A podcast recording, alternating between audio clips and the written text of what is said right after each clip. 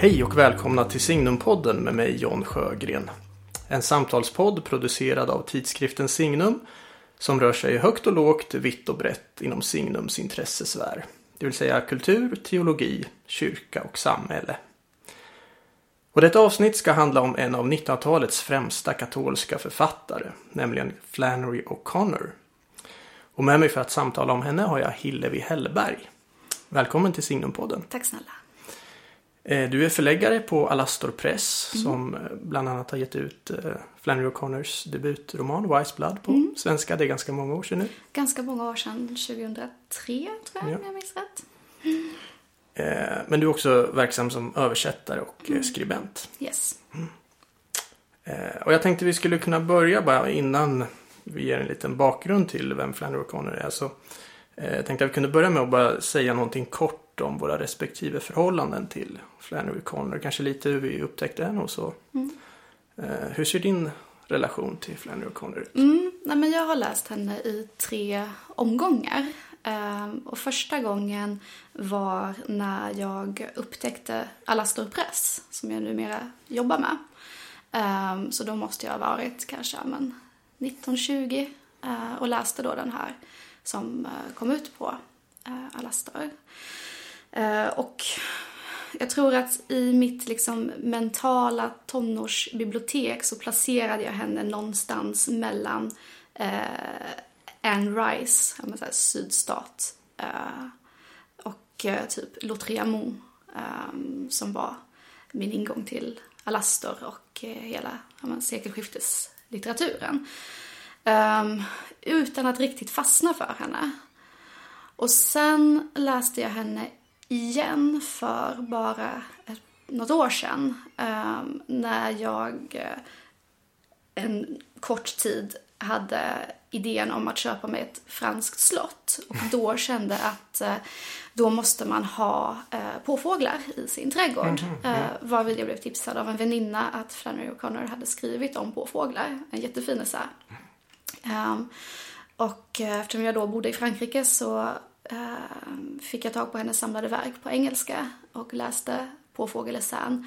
Ehm, men även andra noveller, liksom lite huller om buller.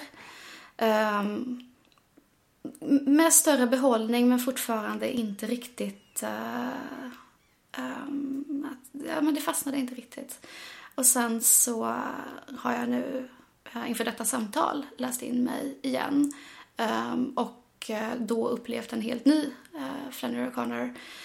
Därför att jag på den här eh, tiden hunnit bli troende. Så helt nya glasögon. Mm. Um, och jag upplever väl den här sista läsningen lite som att, uh, ja men kanske så här att man sitter med sin Aladdin-ask och så uh, bara man på måfå provar en av de där mörka som man aldrig ätit förut och bara inser men det är så här choklad ska smaka. Mm. Det är ju de här som är de goda liksom. Mm. Så där är jag i min mm. läsning tror jag. Mm, ja, vad intressant. Det där det liknar lite grann min, min Flannery Connor läsning också. För jag var, läste nog också henne första gången när jag var 18-19 och sånt där. Eh, och då var det på grund av att min stora musikaliska idol Bruce Springsteen alltid eh, nämnde henne som, som sin stora idol och som en stor inspirationskälla för hans texter. Särskilt de här mer berättande låtarna som han har. Som är som, är som noveller i stort sett. Eh, och då tänkte jag att jag måste läsa henne men eh, jag begrep det inte riktigt då. Eh, och det är ju väldigt liksom, våldsamma, ofta lite groteska berättelser. Jag förstod inte poängen riktigt med det. Mm. Men sen återvände jag till henne för kanske fem sex år sedan sådär och då hade jag ju eh, mycket mer, jag har kommit in i det här liksom katolska och, och eh, eh, läste den också då med, med de glasögonen. Då fick jag syn på helt andra saker tyckte jag. Så det är ganska intressant det där att precis som du säger mm. att eh, du var tvungen att bli kristen någonting för att mm. förstå henne. Det är ju en det är en fråga vi kan ha med oss lite kanske i bakgrunden. Måste man vara det för att verkligen kunna begripa ja, henne? Ja, vad är skillnaden? Mm. En ateistisk läsning och en ja, kristen, katolsk. Mm. Mm. mm.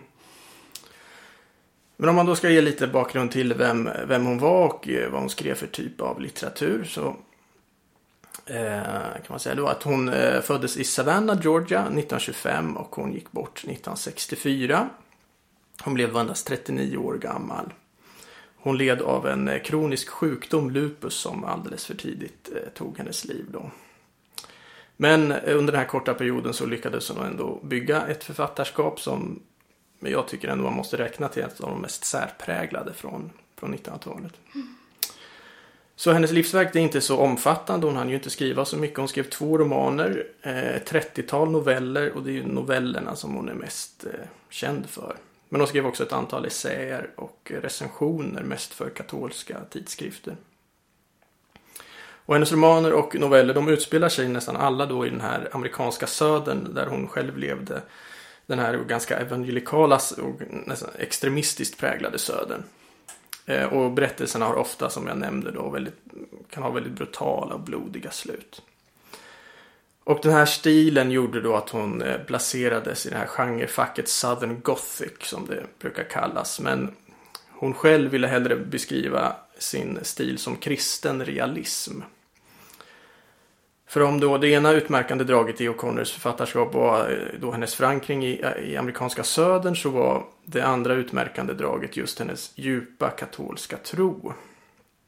Och hennes självförståelse, självförståelse som författare var också just där den här dubbla identiteten. Att hon såg sig själv lika mycket som southern som catholic. Eh, så hon använder liksom den här specifika miljön, den amerikanska södern på 50 och 60-talet för att skriva fram berättelser som egentligen handlar om de stora eviga frågorna om synden, nåden, Guds stora mysterium. Och hennes ambition var att vara liksom lika sann mot den här platsen som hon gestaltade amerikanska södern som och lika sann skulle hon vara då mot den katolska tro som genomsyrade allt hon skrev.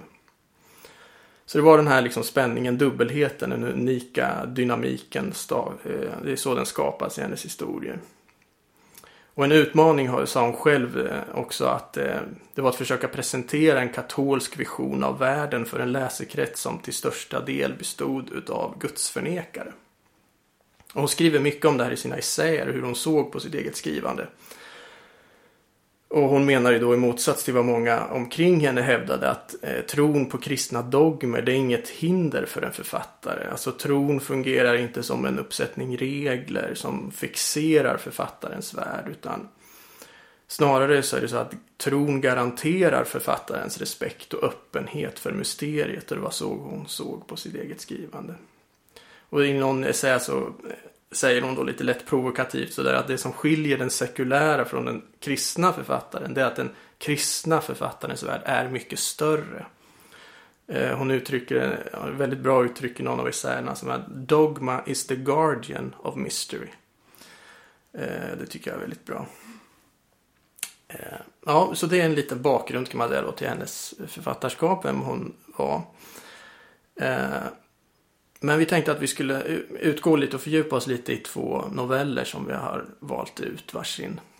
Eh, och du har valt den som kanske är hennes mest berömda får man väl säga. Mm. A good man is hard to find. Ja, jag tänker att det är en bra utgångspunkt. Uh, I och med, ja men det kanske inte är ett författarskap som alla kan utan innan så då tänkte vi börja, vi börjar där. Mm. Um, och den är ju ganska representativ också. Den tar upp de här uh, olika teman som du precis skissade upp. Um, tänkte om vi bara liksom så drar handlingen lite mm, snabbt. Det är nog bra. Uh, så är det en uh, familj som ska åka på semester. Um, och i centrum är uh, farmodern. Um, som egentligen skulle vilja åka, de ska åka till Florida och hon skulle vilja åka till Tennessee istället. Um, och uh, på uh, vägen så kommer den här farmodern att tänka på ett hus som hon såg som ung kvinna. Uh, och lyckas få med sig, det är då, det är fadern, modern med en bebis och så två yngre barn flickan, pojke och hon lyckas få med sig eh, barnen i att de också vill se det här huset. Eh, och eh, de svänger av. Eh, och så får hon eh, en plötslig eh, insikt på den här vägen som är någon liten, eh, ja, ute i bushen liksom. Eh, att det här huset ligger inte alls där hon trodde. Eh, det låg eh, ja, i en annan stat. Eh, och då rycker hon till. Och hon har även tagit med sig sin katt då. Eh, och stöter till korgen med katten varvid katten hoppar upp på pappan och han kör av vägen. Och bilen voltar mycket dramatiskt. Ehm, alla klarar sig, ingen är liksom speciellt skadad. Eh, och då kommer det en bil och ur bilen stiger det ut tre män. Ehm, och farmodern ehm, känner igen en av männen för hon har läst tidningen och det har, vet vi som läsare också. Det har tagits upp eh, redan i början eh, att det är en, en eh, förrymd fånge ute på vägarna. Eh, kallad The Misfit. Eh, och eh, hon känner igen honom och sen följer ett, ett artigt, ganska så artigt och lite så märkligt samtal mellan den här förbrytaren och familjen. Och han ber sina hejdukar gå iväg först med fadern och sonen och sen hörs två skott och sedan eh, mamman, bebisen och eh, dottern och till slut så, och då är det bara farmor och The Misfit kvar. Ehm, och eh, han eh, skjuter henne efter en liten så här, ordväxling. Mm. Mm. Det är det yttre skeendet i Mm. den här intrigen. Som är ganska, ja, men ganska, typ, ganska våldsam.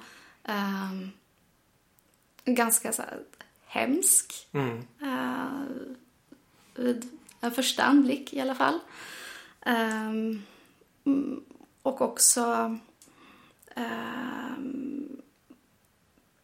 f- de här karaktärerna är typiska, tycker jag, eh, för, för Connor.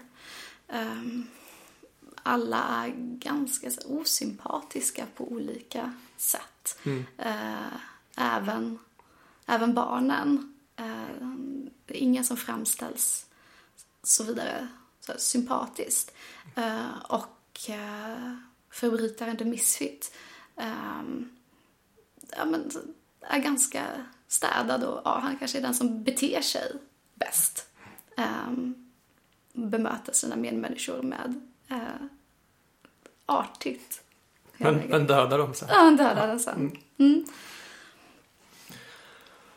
Ja, precis. Det, där, det är en väldigt ehm, eh, typisk berättelse. Och, och precis som du säger, alltså, titeln på, på novellen skulle kunna vara någon slags rubrik för hennes hela, alltså Good manners hard to find. Eh, men om vi ska försöka, precis, det där är ju yttre skeendet då, men och, och det var ju det där som man kanske hade svårt, både du och jag hade svårt att liksom förstå lite vid våra första läsningar. Alltså, men vad betyder det här? Vad är poängen med det här liksom?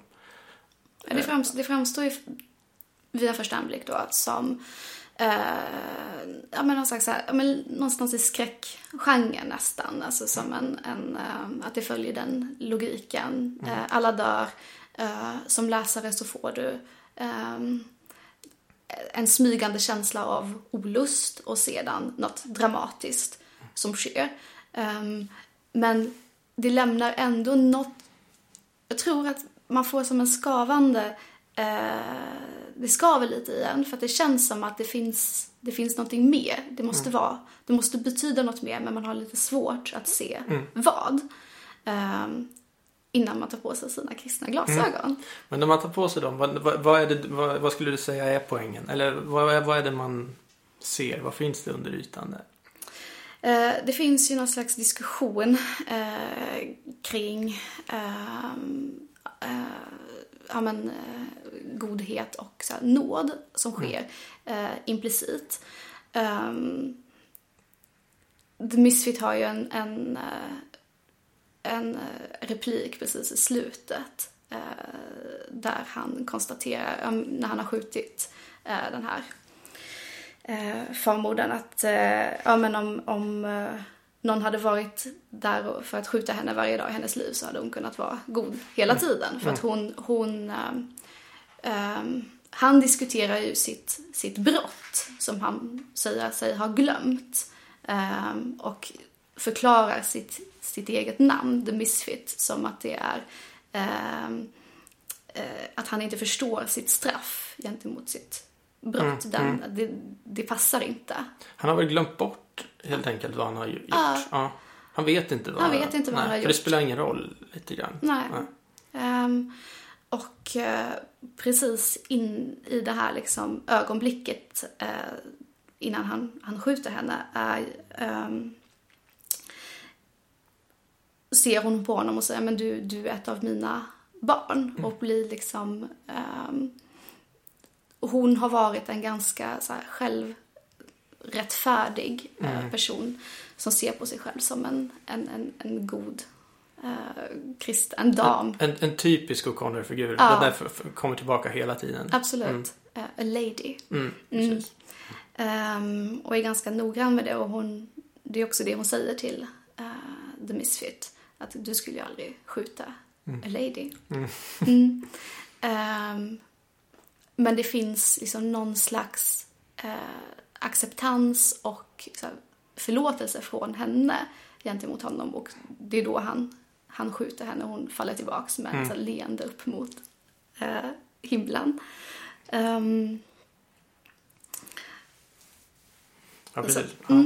Ja, men den här repliken då, som, den är så klassisk. Jag slog upp Absolut. den här när han... eh, She would, she would have been a good woman if it had been somebody there to shoot her every minute of her life. Eh, och det där är ju så typiskt O'Connor, alltså. Det här brutala sättet som eh, nåden kommer på. Att hon, hon blir en god människa.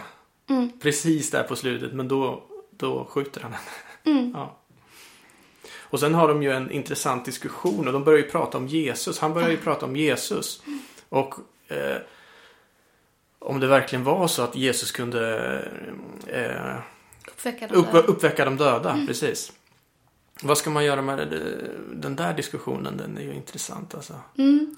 Ja, för det han säger är ju så här, om det är sant, då måste man eh, kasta bort allting och bara följa honom. Och om det inte är sant, eh, då kan man försöka ha, eh, hur ska man säga så här, have, have some fun är det va? Ja, jag ska se om Eh, jag hittar det här. det är liksom inte eh, enjoy oneself tror jag. Mm. Eh, och genom att ja, men, bränna ner någons hus eller Mm. eh, döda någon. Eh, för någon, någon verklig njutning finns inte att finna. Typ. No pleasure but meanness. han. Att om, om Jesus inte kunde uppväcka döda eh, then it's nothing for you to do but enjoy the few minutes you got left the best way you can by killing somebody or burning down his house or doing some other meanness to him.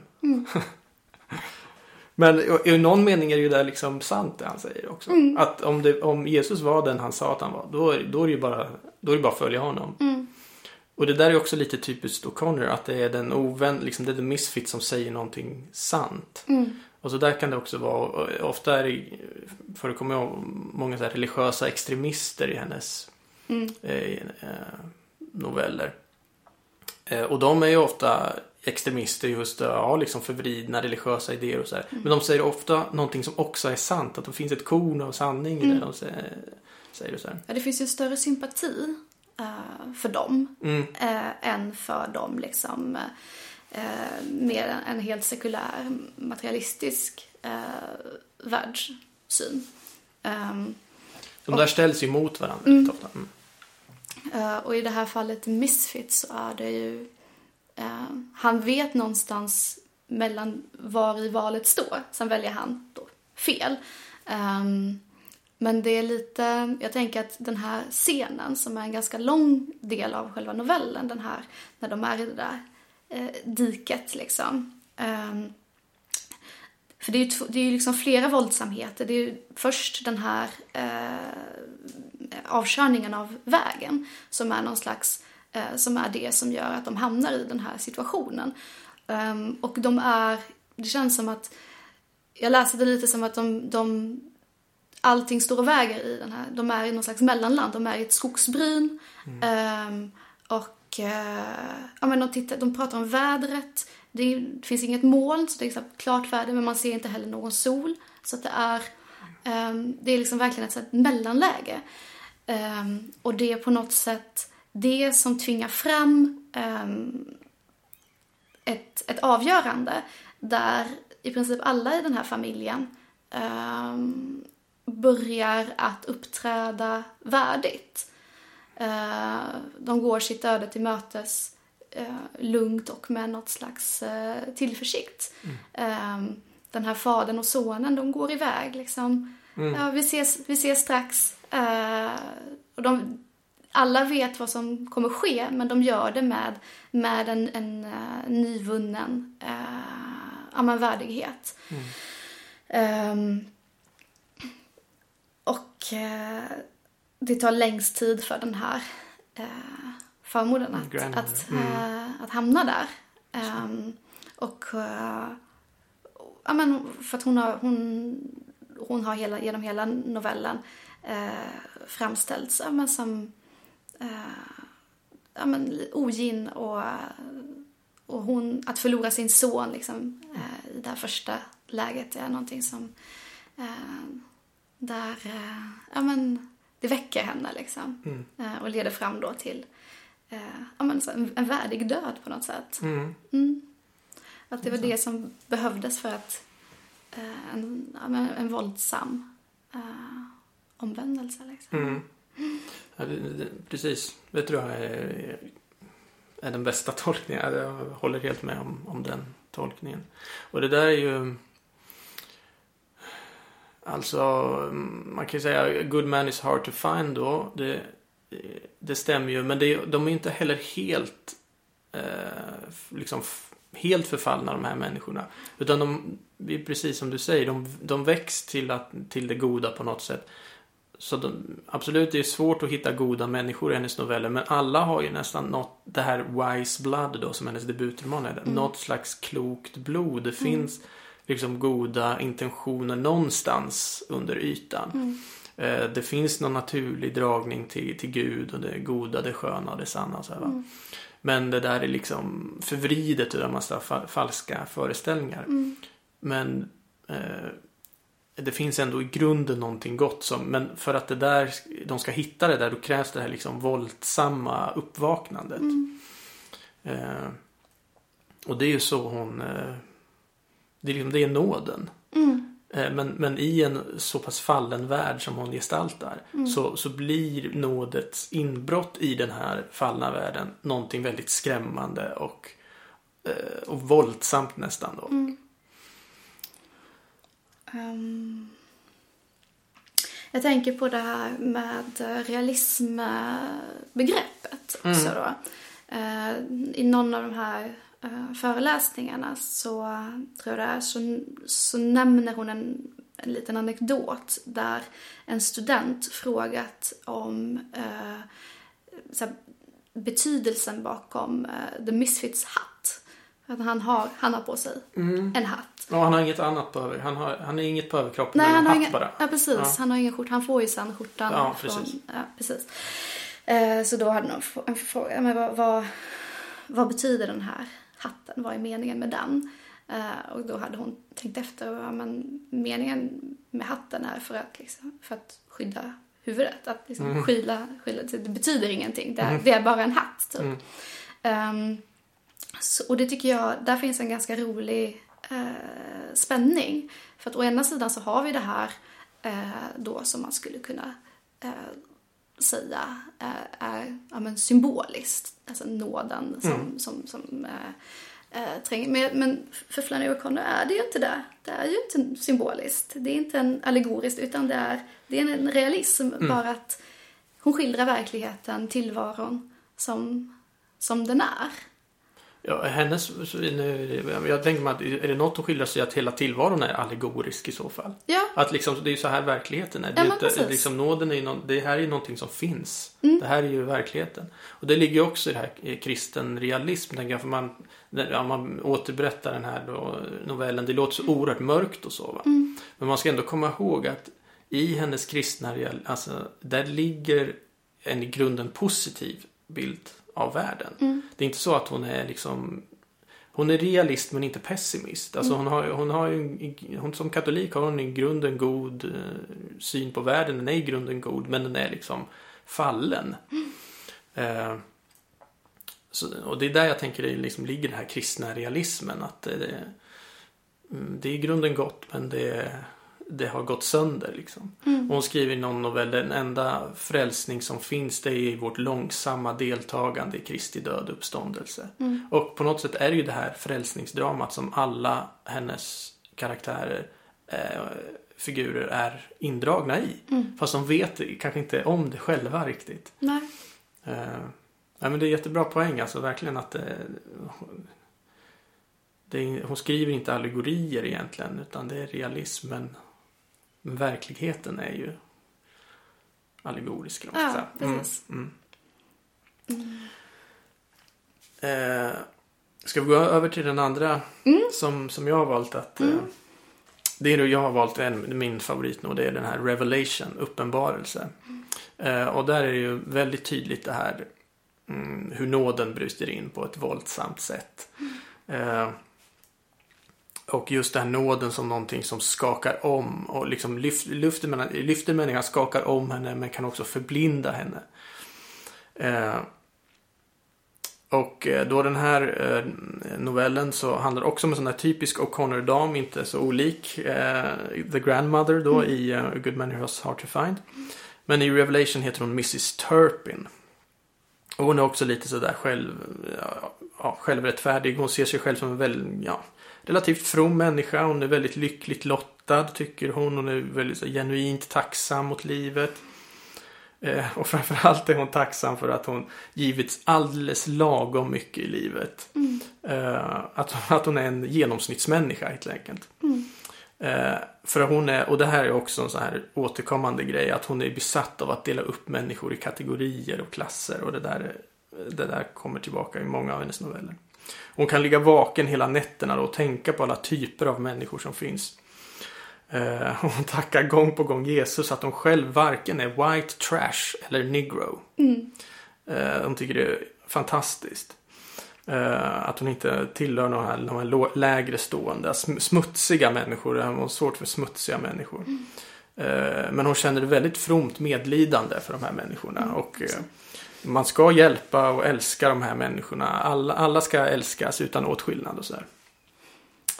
Eh, men då, större delen av novellen utspelar sig i väntrummet hos doktorn där eh, Mrs Turpin eh, befinner sig med sin make. Och så tittar hon runt där i rummet på alla medmänniskor som är där, alla kategorier av människor. Hon tittar på dem med liksom medlidsamt förakt. Men så fastnar hon särskilt för en ung eh, tonårig flicka som sitter försjunken i en bok. Eh, eller ibland tittar upp och, och blänger lite sådär på Mrs Turpin. Och eh, Mrs Turpin tycker att den här flickan hon är väldigt white trash alltså. Eh, och hon är, har lite så här finnigt ansikte, hon är inte direkt tilldragande sådär. Och, och Mrs Turpin hon tackar gud att hon själv inte är ful. Det är ytterligare en sån här kategori av människor som hon, eh, ja, väldigt lycklig att hon slipper, slipper vara ful. Men så, så kommer då plötsligt det här genombrottet, vill man säga. Eh, så plötsligt den här flickan, eh, hon har gjort några fula miner åt Mrs Turpin.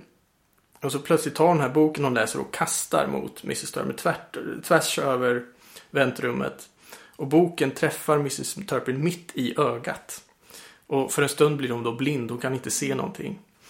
Eh, och, och flickan själv eh, följer efter och kastar sig över Mrs Turpin och börjar strypa henne så hon eh, får liksom ingen luft där heller ett tag. Eh, och sen till slut är det här tumultet över och, och det är några andra i rummet som övermannar flickan och eh, eh, lyckas dra bort henne från Mrs Turpin där.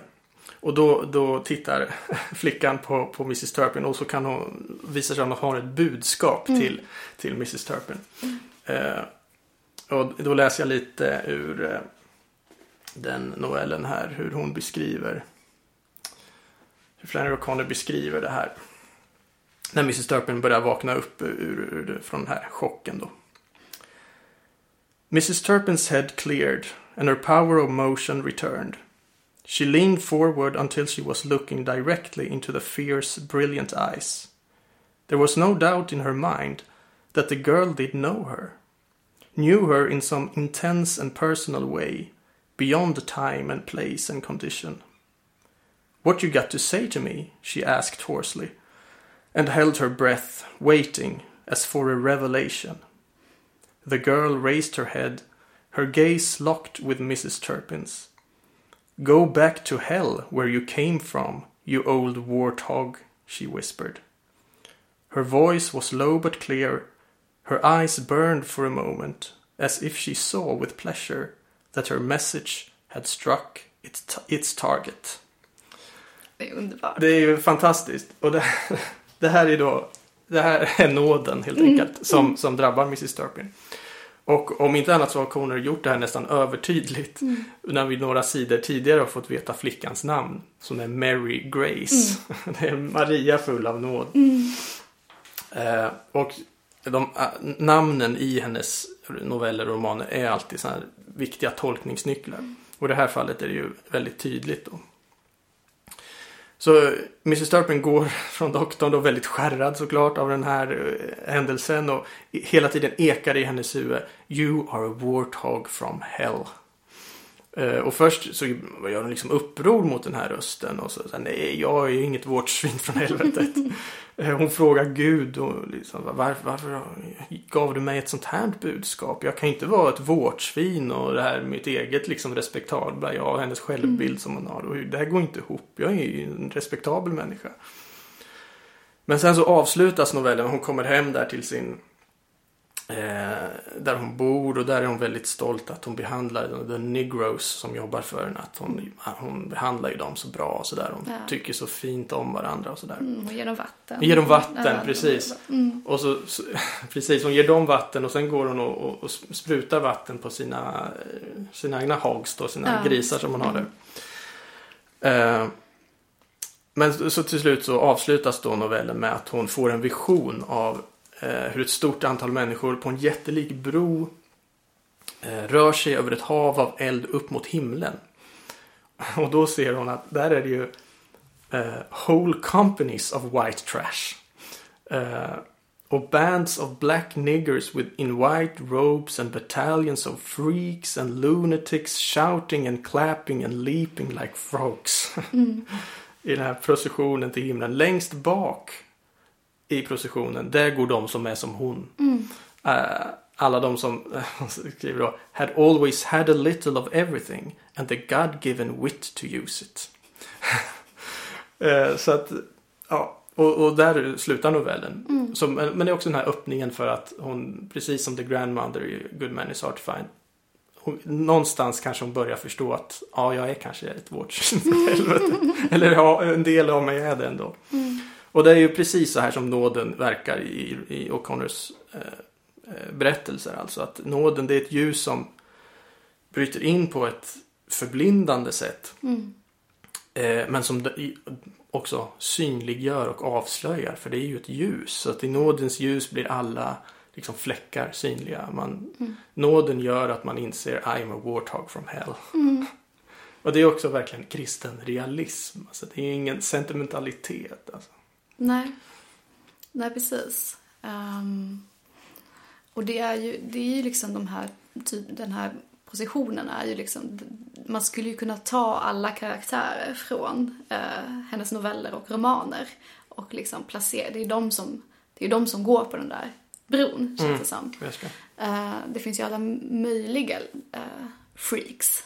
eh, som från ja, men de här religiösa fanatikerna till förbrytarna till ja, men mycket så fysiska deformationer också. Ehm, och jag tänker, någonstans skriver hon väl att, eh, ehm, att eh, när hon skriver om att vara en eh, katolsk författare i Södern och eh, liksom lyfter fram att vara verksam ändå i en, en religiös miljö. Eh, att man, man lyfter fram the freak för att man, kan, man känner igen det. För att man fortfarande har eh, en, eh, ett begrepp om vad en hel människa är. Eh, så att det blir liksom som en litterär effekt då. Eh, för att det blir en, en bild. Och, då, och det tänker jag är liksom inte bara de fysiska lytena då utan ehm, det finns eh, en, en, en eh, karaktär som den här självrättfärdiga liksom, kvinnan.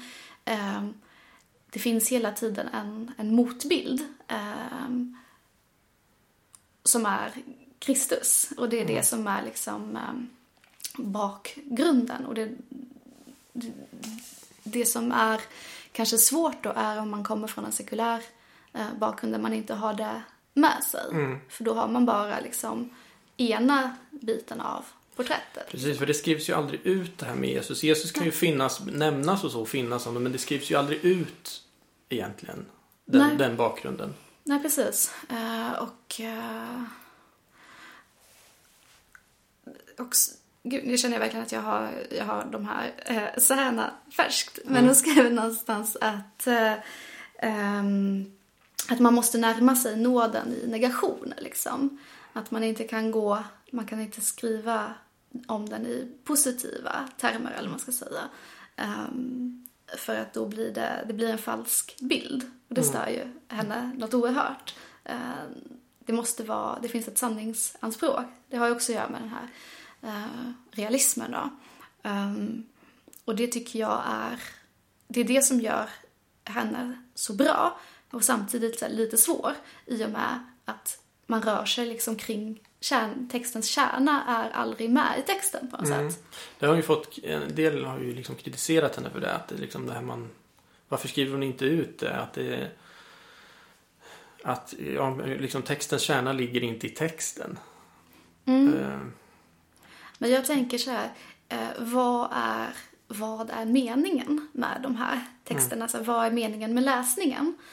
Ehm, är, det, är det att vi ska få men någon slags här, trevlig, trevlig stund, trevlig så här, uppbygglig läsning eh, där vi ska bekräftas i det vi redan typ tycker? Eh, eller liksom ställas inför eh, ja, men ett nytt eh, budskap. Eh, det är ju också ehm, fel.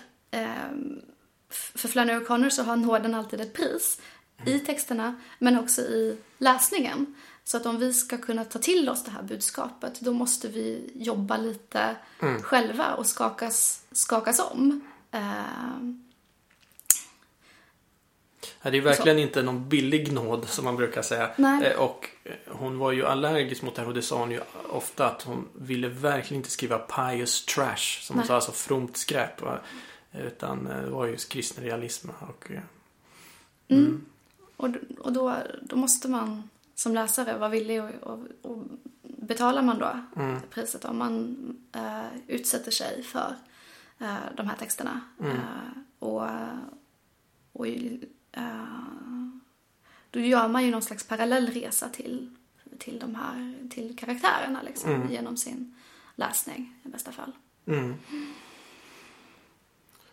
Ja, precis. Det finns ju det här med nåden som gestaltas på ett våldsamt sätt. Det finns ju ytterligare en novell som man kan nämna här som är som är den värsta kanske ja, gestaltningen av hur nåden kan bryta in på ett våldsamt sätt. Och det är den här som heter Greenleaf. Kommer du ihåg den? Ja, Den är ju den är väldigt hemsk. Eh, men den handlar ju då om eh, det är också en sån här typisk O'Connor-dam. Eh, och också så här lite självrättfärdig. Eller hon är väl lite så här ljummet kristen. Eh, och hon, eh, men också så här lite föraktar då, hon föraktade Greenleafs familjen som eh, eh, jobbar åt henne på bo- gården där hon bor då.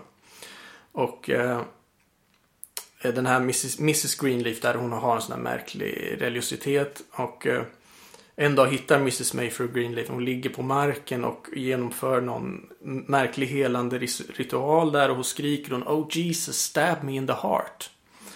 Och det där tycker ju Mrs May då, vad, är, vad konstig du är. Alltså, Jesus skäms över dig, tänker hon. Och du, hon är också lite white trash, den där Greenleaf, tycker hon. Och eh, du borde gå och hem och tvätta dina barns kläder istället. Sådär. Eh, Men då i slutet av novellen så blir det här Jesus stab me in the heart. Det vänds mot Mrs May då istället. För en stor del av novellen handlar om en, en tjur som går lös på ägorna där de bor. Och som Mrs May då vill att den här Mr Greenleaf ska skjuta åt henne. Eh, men det går inte riktigt som hon har tänkt sig. Eh, när hon och Mr Greenleaf är ute för att försöka få fatt på den här tjuren så står hon plötsligt mitt emot tjuren på ett stort fält. Eh, och så börjar tjuren springa mot henne. Och tjuren har snart som O'Connor skriver. Like a wild tormented lover. Trängt in sitt ena horn genom hennes sköte ända upp till hjärtat som spetsas. Och så beskriver O'Connor eh, Mrs Mays ansiktsuttryck när hon sitter här spetsad och fastklämd eh, mellan tjurens hord. Mm. Då skriver hon eh, She had the look of a person whose sight has suddenly been restored but who finds the light unbearable. Mm. alltså det är nådens ljus. Mm. Så brutalt det bara kan gestaltas, tänker mm. jag. Uh, och det, ja, men det här det säger, det är, man, som läsare utsätter man sig också liksom. Det, mm. det, det, får ju den här, det får ju nästan samma effekt på en som läsare. Att man blir ja. omskakad liksom. Och, ja. och just där som vi båda upplevde när vi läste att man säger, vad, vad tusan betyder det här? Mm. Alltså, ja. Uh, Ska vi avsluta? Alltså, jag tänker här med Jesus ändå. Man skulle kunna avsluta mm. med att säga någonting om uh, hennes uh, debutroman då, Wise Blood. Mm. Som kanske bredvid Goodman Sart to Find uh, kanske hennes mest lästa. Ja, sådär. Den, den, där finns ju ändå Jesus med som en, som en ty ganska tydlig bakgrund. Mm. Men inte på, ja. Alltså det... Vad tänker du om, om, om Jesus gestalten, ja. Jesus roll i den? I den, ja. Mm. ja um, den, uh, ska man säga någonting om vad den handlar om? Kanske ja, bara. Det, han, det är ju en uh, krigsveteran mm. som kommer hem till amerikanska södern. Uh, han heter Hayes. Um, och han... alltså vad ska han startar en egen, han har, men han, han, han har ju en tydlig relation till eh, Jesus. Hans farfar var ju predikant. Hans farfar var mm. predikant. Um, och han uh, ägnar sitt liv, eller han försöker liksom undkomma uh, Kristus mm. genom um, hans, hans lösning på det är ju till en början att utan synd Uh, syndar jag bara inte så slipper jag Jesus också. Mm. Uh, och sen så, ja, men så startar han, han stöter på en blind uh, predikant uh, med en, en dotter som han vill förföra.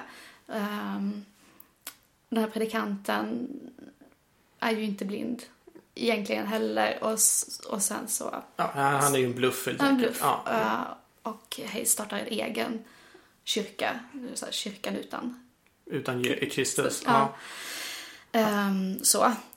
Men det, det, finns ju en väldigt här, ro, ro, rolig... När han uh, redan i så här, första kapitlet så uh, tänker han tillbaka på den här uh, farfaren och sina och uh, sitt intryck av Kristus. Mm. Och det är ju en så här jättemärklig bild där Kristus är något så här eh, apliknande som svingar sig från eh, gren till gren i skogen. Mm. Eh, på väg in i, sko i, i, mör i dunklet liksom.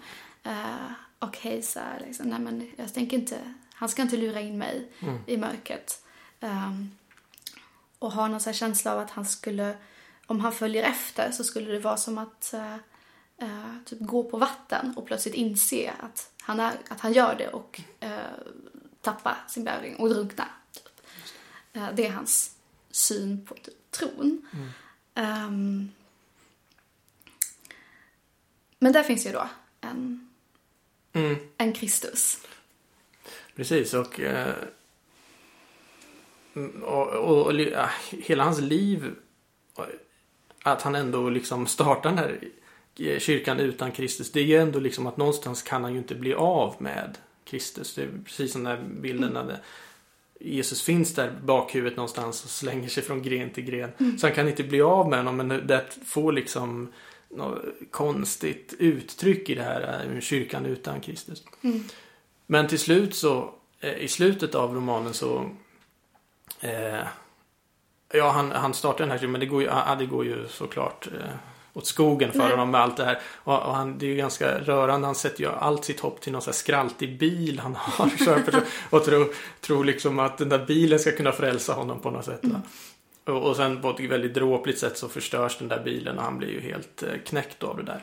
Och då går han själv hem och gör på riktigt det som den där Falsk- fake, falska predikanten han låtsades gjort. Alltså han förblindar sig själv. Han, limestone. är- Kalk. Kalk, ja. Vad är, Alltså, ja. någon slags... Ja men det fräter bort Ja, det frä- ögonen ja. på sig. Något frätande... Ja, precis, kalksten. Kalk- jag vet ja. inte riktigt hur det här funkar. Men, Nej, inte jag heller. Men han fräter ju sönder sina ögon i alla fall. Och liksom blir den där predikanten på något sätt. Mm. Och eh, börjar liksom plåga sig själv och, och tar um, barbed wire, vad heter det på svenska? Taggtråd. Taggtråd runt, Ja. runt liksom kroppen så här och har glas i skorna och Ja. så där börjar liksom plåga sig själv. Mm. Och till slut så eh, dör han ju också. Mm. Han ger sig av det. Men det finns ju en, en person då som och det är denna som han bor inneboende hos. Mm. Någon, någon eh, gammal dam där Ja. som ändå bryr sig om honom. Mm. Eh, och så när han kom, kommer polisen tillbaka med hans döda kropp. Mm. Eh, och då tittar hon ju in i de här ögonen som inte är några ögon Nej, de längre. här ögonhålorna. Ögonhålen som Mm. bara liksom svarta hål. Mm. Och där ser hon något litet, litet ljus. Mm. Och, då, och så är Och romanen sen slut. Mm. Och det är också så här, ja, nådens ljus var i det här totalt liksom förvridna kan man säga som han. Eh, och någonstans är ju det där Je- Jesus som inte Mm. ger upp om honom eller som han inte själv kan släppa. Liksom. Det går, det kan, man kan inte fly från Jesus. Nej, precis så. Och det finns en eh, det finns en filmatisering utav eh, Wise Blood. Mm. Eh, Jag har sett någon dokumentär om den inspelningen och då var det han som, som spelade Hayes då. Eh, ja, det, ska- alltså på, på inspelningen så fanns Flannery O'Connors familj på plats. Mm. Den här spelades in någon gång på 70-talet tror jag. Då var ju hon död så länge. Men hennes familj var på plats för att liksom se till att eh, Mm. det, det gick rätt till och de var väldigt så här, skyddade hennes författarskap. Mm. Eh, och då när de spelar in de här liksom scenerna han plågar sig själv på slutet då, då gick han fram till regissören och sa så här, alltså det här kan inte vara Jesus liksom som får honom göra det här. Det här är för vridet, det här är för konstigt, det här det kan inte vara Jesus. Alltså han är bara knäpp den här killen. Och då kom då O'Connors eh, släktingar där och, och sa ah, ah, vi måste prata med dig en stund här och tog med honom in i ett annat rum och så någon kvart senare eller så, så kom, kom de tillbaka och så frågade regissören då, jaha, jaha, vad säger du nu då? Och då sa han bara Jesus always wins. Så det, det var liksom O'Connors hållning i den frågan. Ja, Och, eh, och så är det ju. och så är det. Så, I varje text. På ett eller annat På ett sätt. eller annat sätt Ja. är, det, är det alltid det det mynnar ut i. Mm. Jesus always wins. En ganska bra slutpunkt kanske. Jag tänker att det är en bra eh, att sluta där. Mm. Eh, så tack Ja, tack. Hillevi Hellberg för att du eh, gästade Signopodden. Och eh, tack alla ni som har lyssnat och lyssna gärna på oss igen i nästa avsnitt. Hej så länge! Hej.